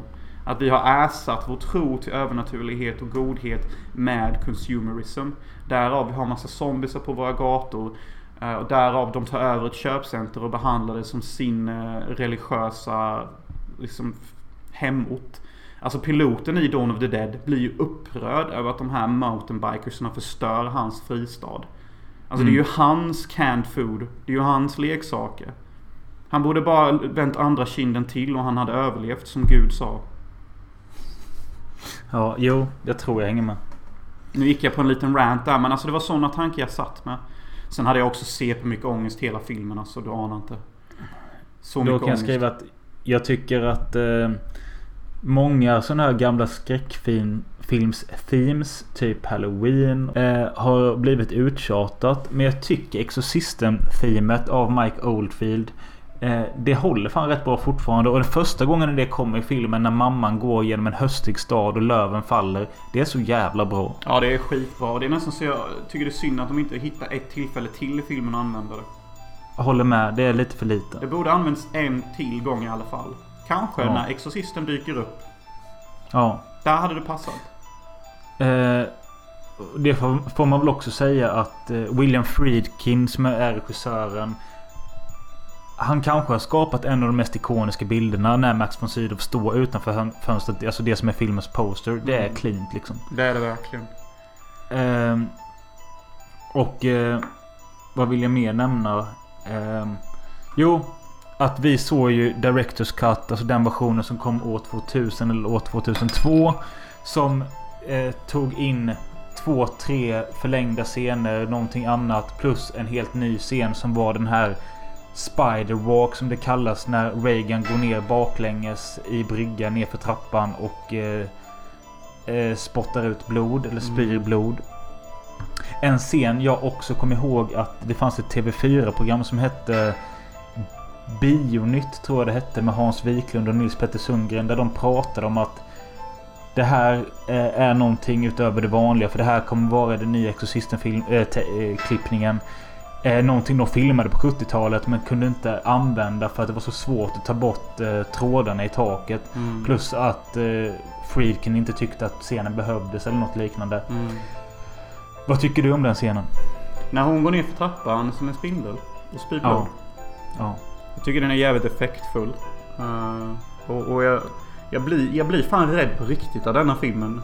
Uh, och, och, och, och som jag sa nyss här innan att uh, filmen ger mig asmycket ångest. Alltså jag börjar tänka på saker jag har ångest över. Och saker jag ångrar i livet. Alltså så denna filmen gör ju verkligen vad en skräckfilm ska göra. Alltså den skrämmer mig och den ger mig dåliga vibes liksom. Uh, och angående den här spindelscenen så satt jag på Youtube innan vi spelade in nu och så sökte jag på eh, Exorcisten Spiderwalk scene för att eh, jag kommer inte ihåg varför jag gjorde det men då fick jag fram en cut som var från Exorcisten 25 years anniversary grej. Någon som... Ja, något tv-program som har gått eller något. Där det är samma scen. Bara det att den här som de visade då. Eh, den ser inte likadan ut som i den riktiga versionen. Utan här vrider sig Reagan innan hon kommer ner för trappen. Och räcker ut sin tunga istället och springer fram och slickar mot sin mamma med sin tunga. Och det var fan obehagligare än det vi fick se. Du tycker det alltså? Ja. Ja, alltså jag, jag håller med. Alltså, jag tycker faktiskt båda scener funkar typ lika bra på typ olika sätt. Jag tycker nog det att hon smyger fram och, eller kryper som en spindel ganska snabbt och slickar på sin mamma är mer obehagligt. Och det är definitivt mer obehaglig scen att göra och, och det är obehagligt för morsan där. Men alltså jag tycker det är mer impactful att bara ha henne komma ner snabbt och spy blod. För att det blir sån här ish effekt. Medan den andra grejen med att hon kryper fram på benen och slickar sin mor är mer This is a little weird. Alltså typ det är två Ja. olika feelings i det. Jag läste att anledningen till att de hade gjort den här katten de springer fram och slickar. Det var för att det är så det står i William Peter Blattys bok. Han som har skrivit boken. Så gör hon exakt så här. Men eh, i det de valde till Directors Cut så är det att hon spyr blod istället. Jag tycker det är typ... Jag hade ju... Om jag gjorde filmen hade jag valt spy blod-grejen. Vad hade du valt?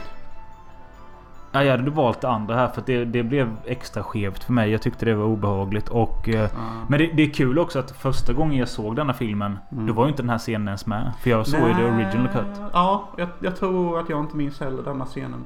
Men jag tycker det är så kul att du säger att du föredrar det. Att eh, hon går fram på alla fyra och slickar sin mamma. Och jag föredrar mer spektakelversionen med blod. Jag tycker detta är den solida skillnaden mellan oss. Att jag, jag går hellre vägen av spektakel och du går hellre vägen av under skinnet jobbigt typ.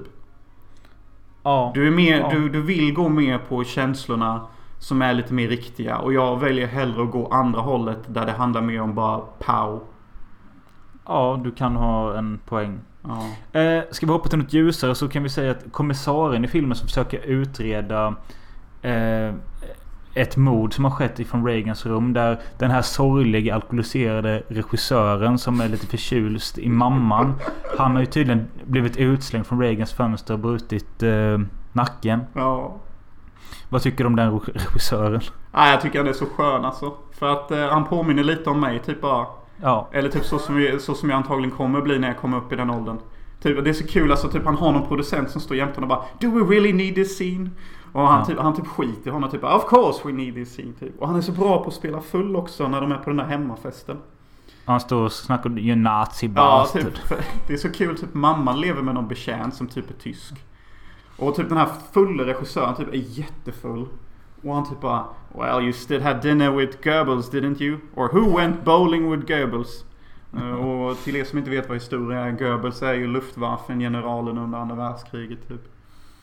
Prop- propagandaminister tror jag. Nej ja fan jag, jag har två hjärnsläpp idag. Det har du rätt i. Josef Goebbels är ju propagandaministern. Hermann Göring är Luftwaffen-generalen. Så är Nu är min historia korrekt. Nej men i alla fall så anlitar de ju en eh, kommissarie som ska ta reda på hur han kunde ha haft huvudet helt felvänt. För Mm. det blev vridet ett varv. Eh, och jag, jag har inte mycket mer att säga om det. Men jag tycker det är gulligt när han är hemma hos mamman. Och ber om en fotograf åt sin dotter. Och sen så bara kommer det fram bara Nej den är inte till min dotter, den är till mig. Ja, han är skitgullig. Och Det är så kul att du säger att han är kommissarie. För att jag glömde helt bort vad han hade i filmen att göra. Jag bara, Ja. är han journalist? Så att jag tänkte, Ja. är han någon nyfiken granne? För jag, jag kunde inte förstå vilket sätt han påverkade filmens handling. Minns du filmen 12 Angry Men? Ja. Ja, han som är mest gapig och mest emot Henry Fonda i den filmen. Det är samma karaktär. Ja, det är han som vill gå och se sportmatcher ja. Ja, precis. Come on, let's just sound down guilty. We have a sports Ja. game to go to. Jalla jalla. Ja. Okej, alltså inte Eh. för att jag tycker att han är dålig i filmen. Utan jag, jag hade bara så svårt att förstå vad han hade där att göra typ. ja, jo, det kan. Han kanske är lite waste Men egentligen. det tåls att tillägga som Robin hade sagt. Eh, jag körde en indica joint till denna filmen för att jag ville vara i mood. Alltså jag såg filmen typ eh, 11 på en kvällen där. Perfekt mörkt och det var lite åska i luften. Jag tog en fet indica joint. Och ni vet, detta är inte edgy för mig att säga. Vet, ni är mer edgy ni som lyssnar, ni som dricker alkohol. För det angriper er kropp på många mer sätt än vad en fucking harmless joint gör. Men det joints gör som inte alkohol gör. Det är att man blir jävligt hög på joints. Och det gör att man tänker många konstiga tankar. Och du vet, saker blir så mycket mer effektfullt. Så exempelvis scenen där, där stackars Linda Bear är hos doktorn. Och de kör in en nål i hennes hals. Mm. Och de trycker ut blod. Och det börjar spruta ut blod ur hennes hals. Alltså vet, jag gick in i något slags lock mode. Alltså jag typ kröp ihop så här typ som att jag typ hade koma och typ eh, en fet stav i min röv och blev helt spastisk. Och jag bara... Och jag typ andades astungt i en minut. Jag bara jag pallar inte detta, jag pallar inte detta, jag pallar inte detta, jag pallar inte detta, jag pallar inte detta. Shit alltså. Eh, Jag reagerade, inte lika, jag reagerade inte lika hårt. Jag hade druckit två glas vin så jag bara... Ja. Så det är det jag menar. Alltså vin, det angriper er kropp mer. Och det gör en mer lugn upp i huvudet. Medan weed inte angriper ens kropp alls. Men däremot blir ens hjärna jävligt påverkad. Eh, Men alltså, fi- alltså fy fan hur mycket ångest jag hade i filmen. Jag bara låg och Ja, tänkte men- på död och, och skit och jag bara fy fan vad denna filmen är jobbig alltså. Men skitbra också. Ja. Eh, en annan sak jag reagerade på det är att de säger när de kommer fram till att vi måste anlita gamle gubben Marin, alltså Max von Sydow. Så säger de bara Ja, men han har gjort ett sånt här fall innan i Afrika. Då fick han hålla på med i, i nästan ett år, alltså i flera månader med ett fall och det nästan dödade honom. Mm. Det, det, det, det är ju en grej som är rätt sjukt att tänka på. Att han höll på med sån här exorcism i flera månader och det nästan dödade honom. Mm. Sen så kommer han då till Linda Blair och driver ut henne typ på en timme. Ja fast det är väl inte riktigt så det går till. Nej, det är det inte. Det är det inte Utan men- alltså det är ju det att den demonen är så kraftfull så att den spelar lite spel på våra två hjältar. Ja. Eh, och jag tycker fan alltså det, det är så sjukt bra final. Alltså i den här filmen. Jag hade, jag, jag hade också glömt lite hur den slutade. Alltså vi alla vet ju nog nästan hur Exorcisten slutar där. Eh, Ja. med, med trappans inlägg. Alltså det är väldigt ikoniskt. Men jag hade ändå Ja. glömt lite hur det gick till. Eh, Ja. Så när det kom, jag bara tänkte fan vilka hjältar de här två prästerna är. Det är så skönt att se Alltså ändå, ändå, ändå lagom hedliga män som står upp för en liten kvinnas liv så här på detta sättet. De sätter sin tro i högsta hugg och verkligen räddar flickan. Eh, och behåller sin, sin gudslydiga heder inför eh, efterlivet. Alltså det är fint. Och det, det, de, de, de, är, de är lite Bruce Willis på sitt egna sätt båda två typ. Ja men det är väl så med att Caras låter ju sig demonen ta honom typ. Ja, och det är så jävla passionerat typ. Det är så ologiskt. Det är bara hjältemodshandlande. Han, Ja. han blir så jävla fucking upprörd att han bara Take me! Take me! Och det är så intensivt typ. Fan, slår inte Linda Blair honom också? Typ det är ju lite fistfighting och sån skit. Alltså. Ja, det är ju tung final alltså. Och vem kan inte och- älska det här The Power of Christ Compels Me? När båda står och kastar heligt vatten på henne. Det är ju väldigt ikoniskt. Jag kan aldrig se denna scenen igen utan att tänka på Scary Movie 2 när de... När... Eh, eh, det är ju James Woods som spelar Max von Sydows roll och... Eh, han lägger sig och hånglar med Reagan där bara för att hon håller på med tungan och... Ja det är så jävla dumt. Nej, alltså jag hade också lite svårt att inte le eller skratta lite när scenen kom. För att scenen har parodiserats. Scenen är så känd. Så när man väl ser det så är det som att det är så intensiv historia man får upptryckt i ansiktet på en att alltså, man, kan inte, man kan inte låta bli att le. Typ. Något, någonting jag reagerade på som var väldigt effektfullt som jag aldrig tänkt på innan. Det är att direkt när Father Marin kommer in i det här huset där hon finns. Så hör man ett jävla avgrundsvrål från övervåningen som ropar Marin. Och det är ju då... Det var jävligt bra. Ja, det är det. Men det är för att demonen, precis som Max von Sydows karaktär, vet att han är the real deal. Ja. Alltså shit is gonna get real. Och jag älskar också när demonen säger bara What an excellent day for an exorcism. Don't you say Father Carey. alltså demonen är så jävla kul ibland. Och så typ bara, varför, varför lossar du inte repen om du nu är en djävul? För att de har ju knutit fast Linda Blair säng. Ja. Bara, That would be too much of a vulgar display of power. Jag bara, för fan vad du ska vara uh, check och typ. Vältalig jävla Ja. tönt. Nej, för Eh. överdriven kraft. Typ. Okej, en, en väldigt dum note jag skrivit ner men som jag inte kan släppa. När Max von Sydow är i huset i slutet så påminner han, speciellt när han ligger ner på golvet och är lite skadad.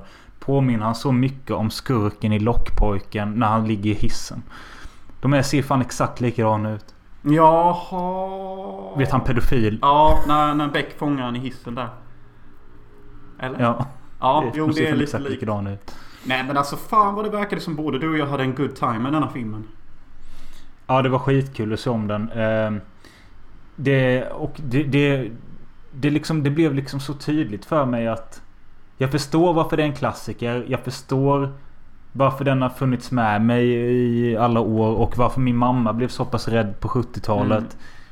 Alltså, den är jävligt bra helt enkelt. Ja, alltså vad skönt det var att se en riktig film för en gångs skull. En film där man liksom, ja men alltså på Reddit, alltså finns det riktiga filmer ens längre? Alltså, förstår vi Nej, dagens kan väl- karaktärer? Förstår vi liksom de högre budskapen av någonting? Eller får vi bara knarkande ungdomar och, och massa jävla, inte fan vet jag, koncept typ? Nej, jag, jag håller med dig. Alltså det, det enda problemet jag har med Exorcisten idag egentligen. Eller det är väl att jag, jag tycker vissa saker är genuint obehagliga. Men jag kanske skulle vilja att den var lite mer obehaglig på vissa aspekter. Och att jag kanske inte hade sett den så många gånger. För nu blir det liksom bara ja, nu kommer den scenen, nu kommer den scenen. Ja men bruv. Det är ju inte filmens fel att du har sett filmen Nej. jättemånga gånger. Vad fan är det för jävla... Men jag, tyckte, jag tycker det är kul att du tyckte om den så pass mycket. För det känns som att du kan annars vara ganska kritisk till en eh, 70-tals blockbuster. Det känns mer som att du typ bara kastar bort det. Nej, nej, verkligen inte. Alltså, jag, jag, jag tyckte det var en riktigt stark film. Uh, alltså typ stark fyra ändå kan jag nästan tänka mig att ge den typ. Ja. Alltså 4,5 lätt. Uh, jag vet egentligen inte vad jag har att klaga på filmen i. Uh, alls. Vilket gör det konstigt då. Jo, jag hade velat ha Exorcist-teamet fler gånger. Det är väl typ därför det inte redan blir femma. Ja. Det är kul också att den låten heter Tu- Tubul- Tubular Bells av Mike Oldfield och den är typ 25 minuter lång egentligen. Ja, och det är, det, är typ, det är typ nästan lite av ett fuck you-finger mot kompositören. För att jag tycker om du nu gjorde ett sånt jättebra soundtrack. Hur kommer det sig då att både klipparen och regissören och kanske till och med producenten inte kunde se eller höra det? Nej. Hur, hur fan inte. kan ni tillåta att ett sånt mästerligt stycke av musik inte används oftare? Och det, det gör mig upprörd faktiskt lite grann. En, äh, Exorcisten är ju också tillsammans typ med Poltergeist och Omen och några till eh, filmer som det sägs har haft, varit en förbannelse över eh, inspelningen. Och jag tog upp några punkter här som var skevt under inspelningen. Studion drabbades av en eldsvåda och kulisserna för familjens hem brann ner tidigt in i inspelningen. Ett rum klarade sig, den besatta flickan Reagans sovrum. Nej. Efter branden kallade, efter branden kallade upphovsmannen, producenten eh, och författaren till boken William Peter Blatty eh, in en präst som fick välsigna en inspelningsplatsen på riktigt för säkerhets skull. Detta Mm. hände ett par gånger. Ja men det hade fan jag med gjort som regissör. Det är det här jag menar. Alltså, det är så jävla stört. Alltså, det är så många filmer som har... Var, antingen, antingen har de valt att spela in på en religiös plats. Eller så har de valt att använda ett religiöst tema till sin film. Och det finns alltid små konstiga historier. Ja. Och, det- och det, är- det är det här liksom. Alltså det, när du börjar leka med elden. Alltså du vet, alltså, du får skylla dig lite själv. Men alltså du får vara försiktig alltså. ja. Du, du kan inte anta att det kommer gå smort och allt är fiction typ. För alltså du vet, om du gör en film om demon och du tar det seriöst. Tror fan inte att en demon kommer liksom få höring om det och bara ha. De gör narr av mig. Demon liksom. Jag ska visa dem mina krafter lite grann. Det är väl klart de blir äggade. I scenen där demonbesatta Reagan konfronterar sin mamma blir Ellen Burstyn skadad på riktigt när en sele brast. Scenen finns ändå med i filmen då skriket av smärta är så äkta. Hon fick bestående men men efter, den olyckan. Det är alltså när Reagan eh, slänger iväg mamman eh, i rummet innan hon börjar onanera med ett krucifix tror jag. Oh shit. Flera dödsfall inträffade i samband med inspelningen. En nattvakt på inspelningen och en tekniker gick bort under inspelningens gång. Och innan filmen hade gått upp på bio hade både Jack McGovern som spelade karaktären Burke, alltså regissören i filmen. Och Vasali Malarius som spelar karaktären Caras mamma lämnat jordelivet. Båda de dog eh, innan filmen kom på Hur bio. dog de? Eh, det vet jag inte. Eh, regissören William Friedkin ansågs gå över styr ett antal gånger under inspelningen. Han örfilade skådespelaren och prästen William O'Malley inför en scen för att få rätt känsla av chock och indignation. Han sköt lösa skott utan förvarning för att få skådespelarna att se skräckslagna ut. Och inför den berömda spyscenen träffade strålen av misstag skådespelaren Jason Miller i ansiktet. Hans äcklande uppsyn är äkta vilket passade perfekt ansåg regissören. Damn. Så han sköt alltså lösa skott och sånt. Ja. Alltså, det, det, är därför också denna filmen alltså, lever upp och, och sätter sin prägel än idag. För att liksom... Det är det här som är så farligt med att vara regissör och, och som kan bli farligt typ när, när du börjar mixa eh, verklighet med sin fiktion typ. Under en av filmens första visningar i Rom slog blixten ner i en kyrka i närheten under visningen och skickade ett 400 år gammalt kors i backen. Se, fy fan. Alltså, jag får fan shivers alltså. Brav. Brav. Jag svimmar typ. Pallar inte. Eh, ja, det står förresten att han som spelade regissören Jack McGovern, han eh, dog... Eh, eh, han bara dog plötsligt. De vet inte riktigt varför. Fy fan.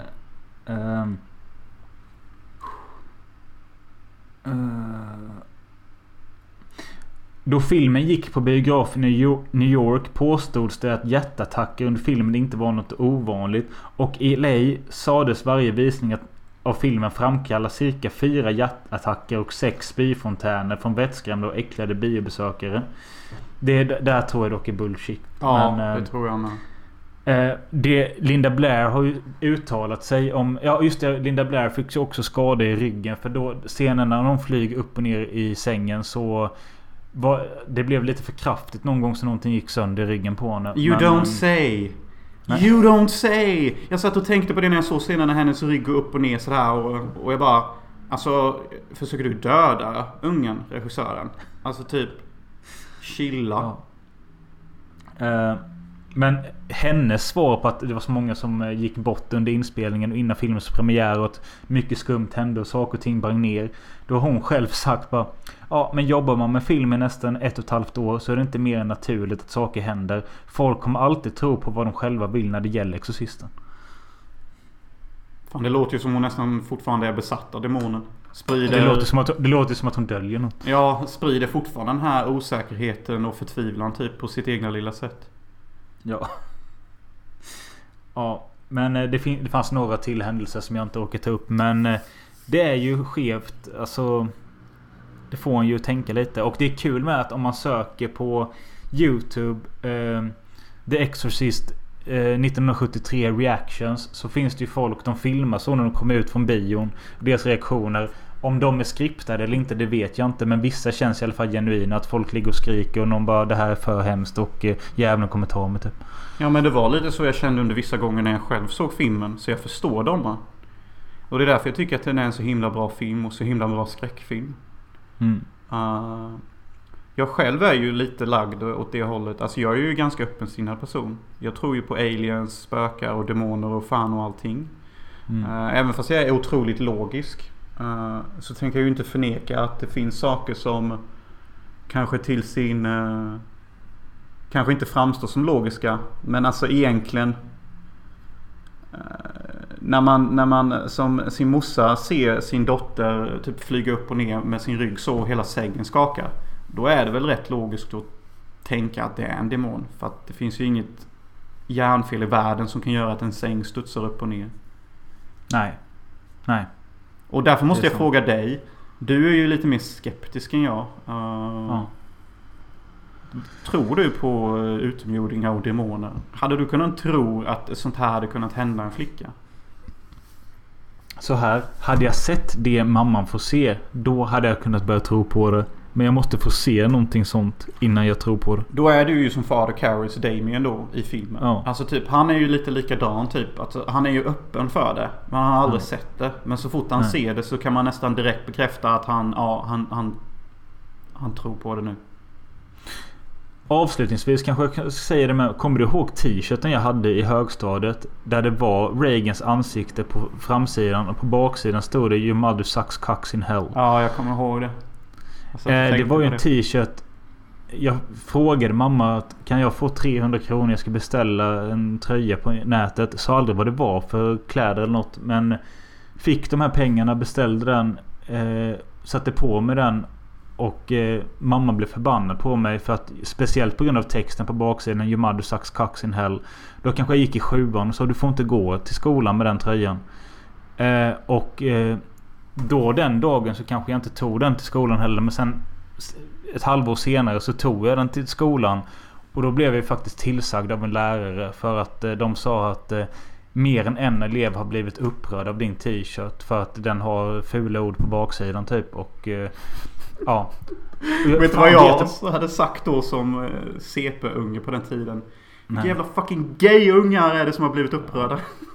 Ja, jo lite så.